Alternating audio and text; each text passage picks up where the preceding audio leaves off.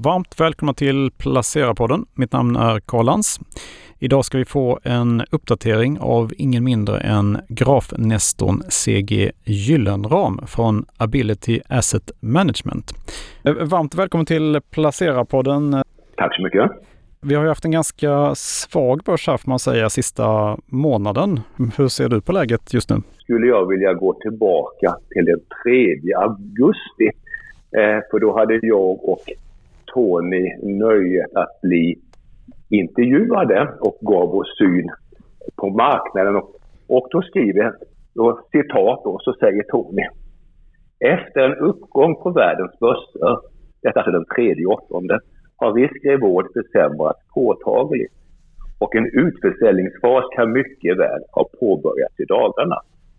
Våra modeller indikerar dock att en eventuell nedgång inte kommer att övergå i ett större ras utan sannolikt kommer att vara mer begränsade. Simuleringar talar för att en potentiell börsrekyl kommer bjuda på fina köplägen snarare än att utgöra första fasen i en större sättning. Det låter ju ganska eh, hoppfullt ändå får man säga. Yes. Sen då, och nu har jag citerat Tony från en tredje åter från samma intervju. Så om det är okej okay, så tar jag och citerar mig själv. Eh, eh, jag, läser bara, jag, jag läser bara innantill, kolla, men det är en bra utgångspunkt. Ja, visst. Eh, tredje, tredje åttonde, eh, det breda indexet, alltså OMX eh, SPI, har stått och stampat på samma nivå under flera månader. Och årets uppgång på Stockholmsbörsen går egentligen att härleda till den första veckan i januari. Sedan dess har marknaden i princip rört sig sidledes. Men det vi har sett nu sedan början av sommaren är att varje uppstuds som har skett på, Stockholmsbörsen, på Stockholmsbörsen har varit lägre än den föregående.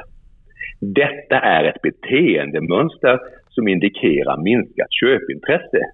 Om en marknad som legat sidledes så här länge skulle få en knäck på nedsidan kan väldigt många uppleva att det ligger fel på börsen och börja sälja då kan vi få en tydlig nedgång på cirka 7-8 procent från dagens nivå. Ungefär av samma dignitet som i mars när bankoron kom. Så att om vi gör som så, det var bara så analys den tredje, åttonde, det då, det då, då hade vi givit ut ett marknadsbrev. Det började, de började, började vi då publicera först i, i fredags. Men om vi då går tillbaka här, ska titta på datorn där den tredje i, i åttonde. För du vet, det som är väldigt intressant att, eh, så jag tror också jag har nämnt flera gånger, att hela årets uppgång kom mer eller mindre i första veckan i januari när vi hade 13-dagshelg med mera under ganska måttlig volym. Just det, ja, det minns jag tydligt. Eh, och sedan gick börsen upp aningen då i, till i början av februari. Sedan kom bankoron, du vet när eh, de här amerikanska regionala bankerna fick sig en rejäl knäck och även eh, vår schweiziska eh, storbank eh, höll på att gå i konkurs. Men i princip, alltså eh, inte exakt, men i princip så har marknaden alltså ungefär den andra hälften av januari bara rört sig sidledes under relativt stor volatilitet. Och periodvis några gånger här så har vi varit lite positiva. Och det beror på att när man jämför den svenska börsutvecklingen med den för standarden på under tio års tid, det är bara att köra dem mot varandra, så ser man att de i princip alltid rör sig åt samma håll. Alltså uppgångarna kan vara större i USA eller mindre, men du vet, däremot så brukar de röra sig åt samma håll.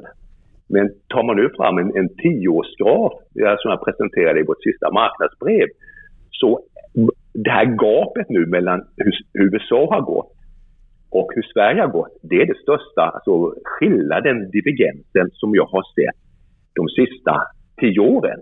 För annars, har det, mm. ja, för annars har det i princip, om, om du tio år har haft en klar och tydlig bild och haft rätt i att hur USA, eller S&P 500 och Nasdaq ska gå, så har du haft väldigt bra odds. Och vi, vi, vi pratade också om lite grann, jag tror att det på sista marknaden, om ett midsommarrally. Och då kan man tro att det är egentligen ingen svensk företeelse. Det är egentligen en amerikansk företeelse men det brukar komma runt midsommar så det är lite populärt omdöpt till ett midsommarrally. Och i Sverige så gick det upp tre dagar. Men tittar man, om man nu skulle ta fram här, eh, nu syns ju inte det, jag har bara tagit fram ett diagram här på S&P 500. Så ska vi se om vi går här. Den 23 juni, ja det var väl, det var, det var, då hade vi midsommarafton va? Mm. ja, då bottnade, då, då hade S&P 500 haft en liten rekyl. Och sedan gick den alltså från, den gick det med 250 punkter de kommande två veckorna va? Eh, och ja, ja, så vet du, där, där, där stämde det klockrent. Men det intressanta är om man ser det på den svenska börsen. Eh, man kan se då på det stora breda indexet, OMXPI, eller man kan se på eh, det lite smalare index, eller som är OMX30, storbolagsindex. Så i Sverige däremot så toppade, ska vi se, så toppade marknaden Ja, precis. Ja, vi fick tre dagars uppgång efter midsommar. Ja, då tänkte jag att skulle vi få ett litet midsommarrally även i Sverige, men icke sa Nicke. Och sedan då, ja, sedan första juli så har alltså den svenska börsen, oavsett vilket index man väljer, dragit sig nedåt och varje eh, uppgång eller uppgångsförsök som jag alldeles nyss när jag citerade mig själv har vid varje tillfälle nått upp till en lägre nivå eh, än den tidigare. Eh, detta och ser man sen då, vet, i att marknaden har gått som ett egentligen ett eh, lite oregelbundet långt tradingintervall så kan man säga att den här botten i det här tradingintervallet hade då innan den här sista nedgången hade utmanats nio gånger hade man testat botten. Va? Medan hela tiden så märkte man att säljarna kom in på nivåer. Alltså man, eh, varje gång det kom uppstuds så agerade man mer offensivt på säljsidan. Och då kan det lätt bli eh, att, eh, att när, det väl, när en sån här nivå väl bryts så blir det lätt lite flockbeteende men också en väldigt mänsklig relation, eller reaktion. För man kan säga att alla då, som, eller, eller den stora majoriteten, inte alla, som har, då har köpt aktier eh, från mitten på januari och behållit dessa eh, är det bara frågan hur många förluster de då hade i portföljen eh, på sina innehav. Och då blir ju människor lätt sådana att, att om man då märker att man eh, eh har förväntat sig en uppgång och eh, det kommer en oväntad nedgång blir det väldigt lätt den psykologiska reaktionen att man agerar genom att, då trycka på säljknappen. Och det här har då stämt än så länge. Så att om hela världens börser såg ut som den svenska, ja, då skulle jag inte tycka om läget. Men eh, USA än så länge, nu är det viktigt ikväll, för då kommer ju det här formligen gigantiska bolaget, det är svårt att ta till sig siffrorna. Nvidia. Nvidia du. Mm. Ja, jag vet inte om du är ja, de är extremt högt värderade men de, tjänar, de ligger ju helt rätt sektor och tjänar enormt mycket pengar. Det är väl världens fjärde eh, största bolag just nu, mm, tror jag. Mm. Ja, det stämmer bra. Och, och, men visar de så att de vet, kan redan eh, visar de då att de kan eh, överträffa de här redan högt ställda prognoserna, då, då skulle det mycket väl kunna komma en liten ny hype. Jag har inte exakta siffror men då man kan ju undra den här stora divergensen, eller den här extrema divergensen som har, eh, som har varit framförallt mellan USA och Sverige. Mm. Om man då tittar, jag tror jag brukar räkna de big, jag brukar ha lagt till Tesla och så lägga till Nvidia, så brukar, jag brukar prata om de big seven då, så, så är, är det ju Google, Amazon, Microsoft, Apple eh, och Facebook med där. meta. Så att, eh, mm. Meta också där ja. Och, och, Amazon ligger ju officiellt inte med bland techbolagen för det är klassat som ett kommunikationsbolag. Men alltså om man tar om det nu, och Tesla kanske heller inte ligger med bland, bland techbolagen. Men du vet, innebär av den här gigantiska marknaden som USA är, ändå är, så alltså 30 procent av S&P eh, består av de här stora techbolagen och så kan, kan du ovanpå det lägga till Amazon och Tesla. Och när det är just där har man legat i de bolagen. Apple har väl gått upp med 48 procent, Nvidia med över 200 procent och eh, Facebook en bit över 100 procent. Och det är naturligtvis att det är det som hela vår verkstadssektor, jag vet inte, den svenska verkstadssektorn av storbolagsindexen ligger väl på någonstans mellan ja, 35-40 procent. Så att om hela vår svenska verkstadssektor gick upp med en, eh, alltså om Atlas Copco gick upp med 200 procent och Volvo med 75 procent. Det, det, är ju klart att index skulle rusa ur en sådan bit, men där har du ju liksom en förklaring och jämför vi sen då Tittar vi då på Europa så Europa ligger kvar i sitt tradingintervall i den här sidledes rörelsen men har då inte brutit på nedsidan. Så att värderingen eh, nu mellan europe eller amerikanska och eh, amerikanska och europeiska bolag ligger ju då eh, väl, eh, väldigt högt även internt i USA. Häromdagen kunde man säga att S&P 500 gick ganska tydligt uppåt men Dow Jones där det ligger mer traditionella värdebolag eh, tappade. Sen finns det ju en annan bit som är med vår, svag, med vår svaga svenska krona. Det är ju inte så om man då som eh, utländsk placerare äger svenska aktier så är det ju inte speciellt roligt att man, är, att man då placerar i ett land där kronan då är, är väldigt svag. Och detta har ju, detta har ju då bidragit då till, också till ett kraftigt utflöde. Men med detta sagt eh, så är vi fortfarande inte, det kan låta som jag, eller vi, eh, jag och Tony jobbar ju väldigt nära ihop, eh, måla upp något drastiskt eh, negativt scenario. Vi försöker ha en stabil portfölj och en stabil portfölj i det här läget innebär att man då får söka sig mot större bolag. Eh, Volvo har väl ett, ett, eh, ett utmärkt eh, exempel där då på ett, vad man kan mena med då ett eh, eh stabilt eh, bolag. Så man har den och sedan en ökad likviditet och sedan då att ändå kunna agera snabbt i marknaden ja, så är det ju väldigt smidigt då att gå in helt enkelt att hedga eller skydda portföljen med exakt bär 2. Alltså exakt bär 2 stiger ju dubbelt så mycket som börsen faller. Då kan man ju behålla sina innehav eh, om man vill få behålla sin portföljstruktur. Men man kan ju hedga portföljen och om man då märker, om man vill då sen ändra riktning, så att man märker aj tusan, nu, nu är det dags att bli mer positiv. Ah, tar man bort, tar man bort eh, innehavet i exakt bär 2, ja då ökar man ju med ett enda beslut eh, aktieandelen. Så att vi i, ännu i det här läget så är vi försiktiga. Men Nvidias rapport efter stängning idag och sen har vi ju den eh, eh, famösa eh, Jackson Hole-konferensen i USA och vad man då ska säga om räntan. Och det som är, jag vet att när vi talades vid sista gången, om jag inte missminner mig, så tror jag att du frågade mig, för då var jag, då var vi före sommaren och då var jag och jag kan erinra mig, jag trodde precis att kortsiktigt kunde vi få en rekyl om jag kommer ihåg rätt, men att det ändå såg relativt positivt ut. Och beteendemönstren, alltså på Nasdaq och S&P, de såg ju synnerligen bra ut i början på sommaren. Och det, det har ju stämt alldeles, eh, alldeles utmärkt, men det är bara att det, det här historiska sambandet som har fungerat väldigt väl i tio år upphörde beroende på att helt enkelt den, den väldigt stora tyngd som tekniksektorn har eh, då i USA, men ja, inte i Sverige. Att Sverige saknar precis ja, tekniksektor på det sättet. Ja, ja och det, gör också, det, finns ju, det finns ju naturligtvis teknikbolag, men det är inte en sån utpräglad sektor. Och det då, då vet jag att vi tittade och diskuterade de långa räntorna, alltså de korta räntorna, alltså de rörliga räntorna om man har huslån.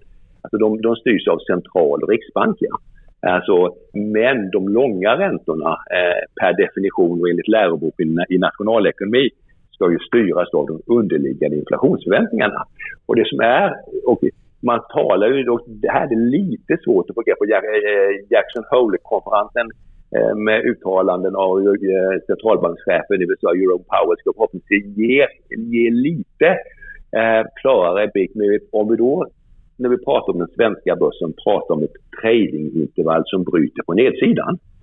Eh, och sen när vi då, sen har vi, om vi då tittar på den amerikanska tioåriga räntan så har den sedan september föregående, så snart ett år, också rört sig sidledes i ett tradingintervall.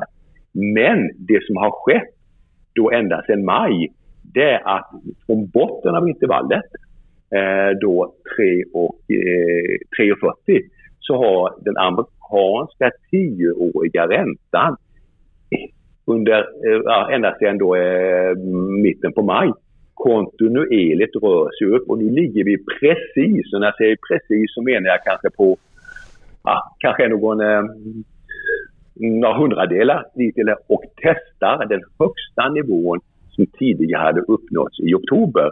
Samtidigt är den räntenivå som det nu den amerikanska tioåringen befinner sig på den högsta de sista 16 åren. Och, där, och, vet, där, det här är ju liksom så att, eh, och generellt sett och, eh, är ju att eh, börsen eh, inte gillar tydligt uppåtgående eh, räntor. Det kan vara banker som gillar det, men alla tillväxtbolag där man ska ha, ha diskonteringsmodeller och, och räkna med en, en hög ränta eh, så blir ju vad heter det, de motiverade kurserna dramatiskt eh, mycket lägre om det är sådana DTF-modeller. Du vet, om, om du ändrar på räntenivån 1 hit eller det så kan det ge eh, väldigt stora utslag om vinsterna ligger långt i framtiden. Så, och tittar vi då, det är så det ser ut i USA. Och tittar vi då i Sverige på både femårsräntan och tioårsräntan. Här har Sverige först, när det gäller inte börsutvecklingen, men när det gäller ränteutvecklingen så är, eh, är den svenska och den amerikanska långränteutvecklingen som en lång och lerhalm. Den svenska tioårsräntan passerade faktiskt sin högsta nivå igår. Sen eh, backar vi tillbaka lite grann eh, idag.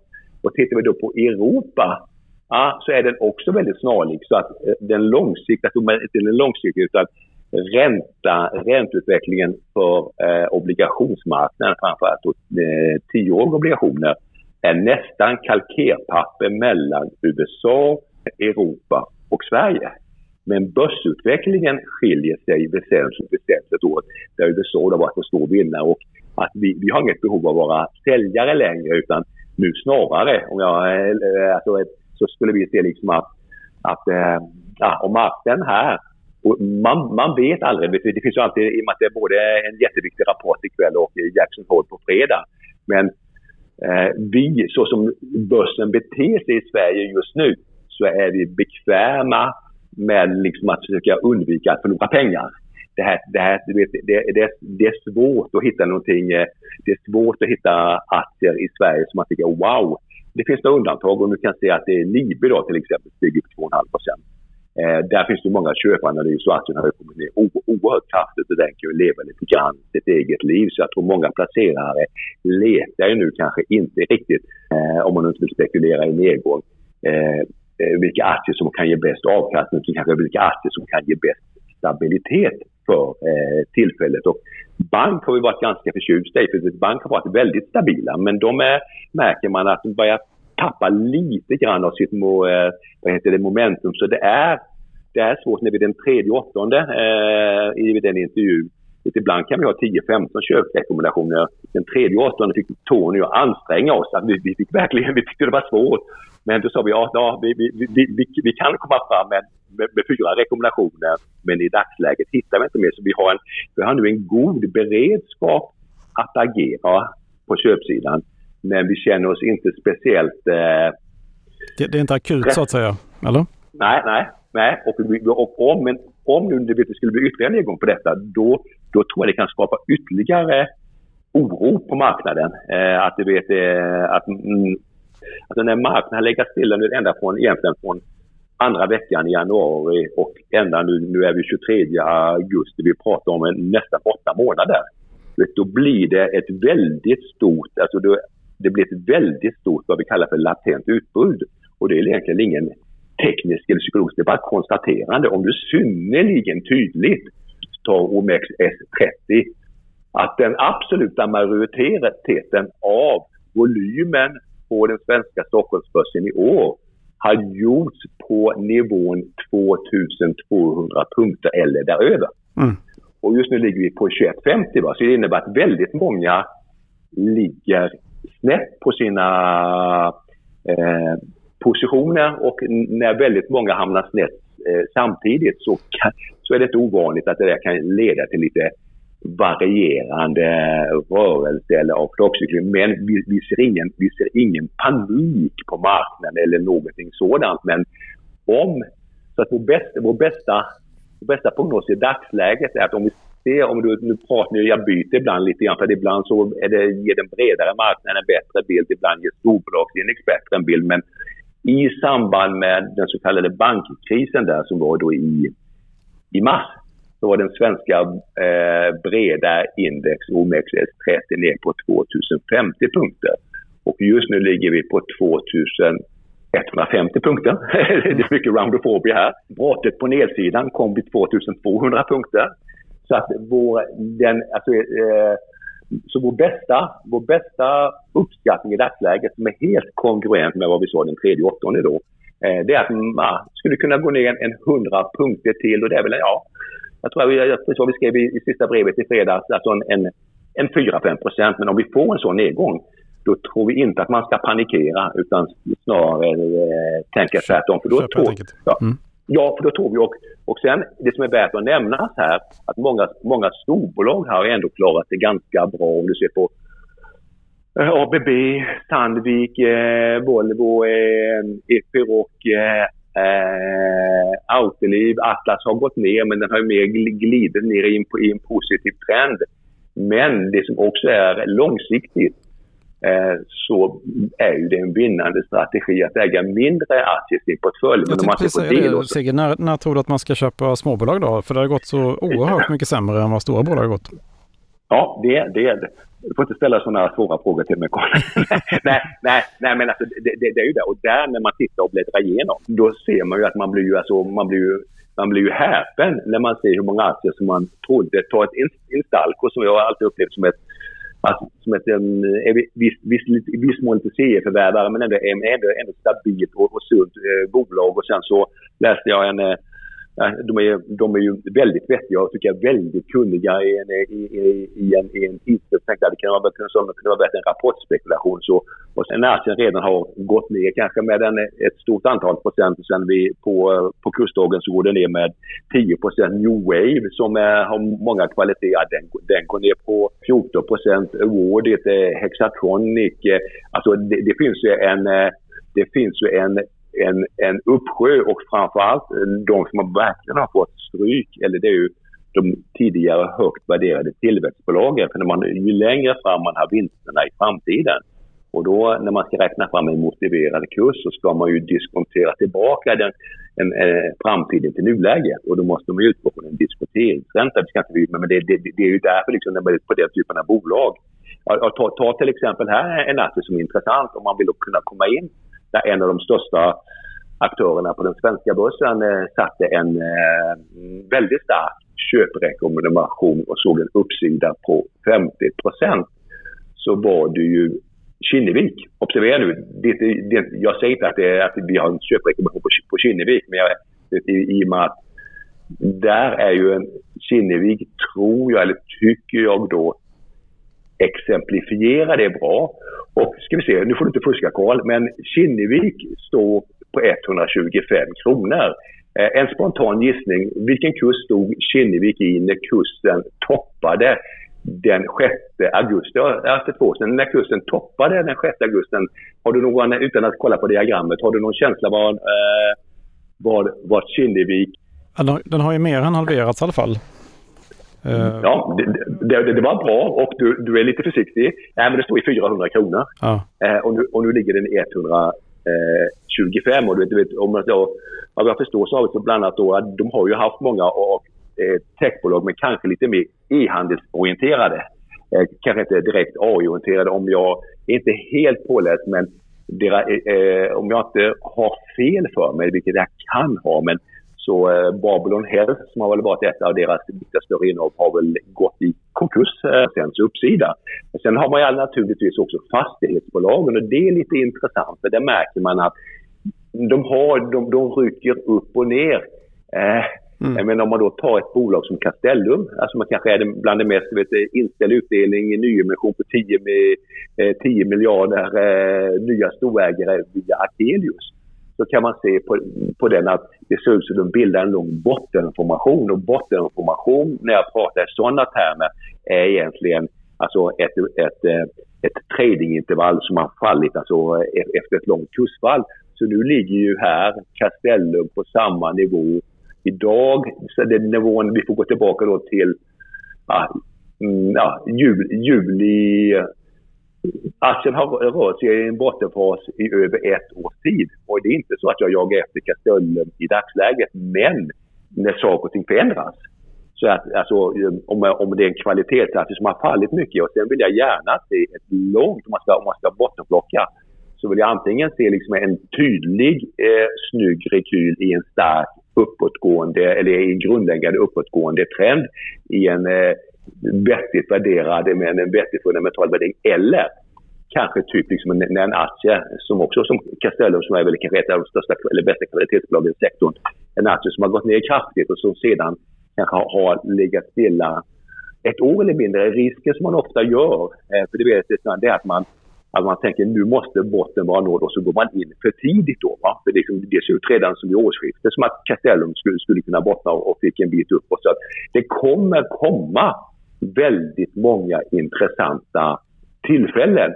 Men i dagsläget så tycker jag att det är svårt att hitta, liksom, i varje fall utifrån hur vi betraktar marknaden. Vår bedömning är att vi ser en risk. Alltså vi, är, vi, är, vi lever ju och sitter ju väldigt nära marknaden så att vi vågar, vi vågar alltid ha en åsikt.